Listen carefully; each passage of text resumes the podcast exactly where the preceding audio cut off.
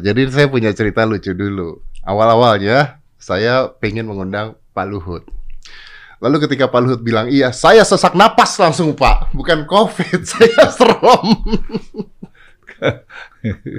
Kenapa? Kayaknya semua orang tuh kalau ngeliat Anda itu udah jenderal bintang 4, pernah jadi dubes, menteri industri, terus sekarang uh, ada di sini, terus Anda mengambil keputusan-keputusan yang pokoknya wah gitu kan harus tangan besi gitu. Kalau dengar nama Pak Luhut itu tarik napas minimal tiga kali Pak. Bisa. Tanpa serangan COVID loh ini Pak. Terus sekarang menemani Pak Jokowi juga. Tapi luar biasa Pak. Anyway, it's an honor for me. Thank you very much for coming. Terima kasih, banyak udah Makasih. uh, datang. Ternyata beliau orangnya tidak semenyeramkan yang Anda bayangkan. Uh, kumisnya oke lah seram, tapi orangnya ternyata baik dan beda. Pak, kita langsung nih Pak ya.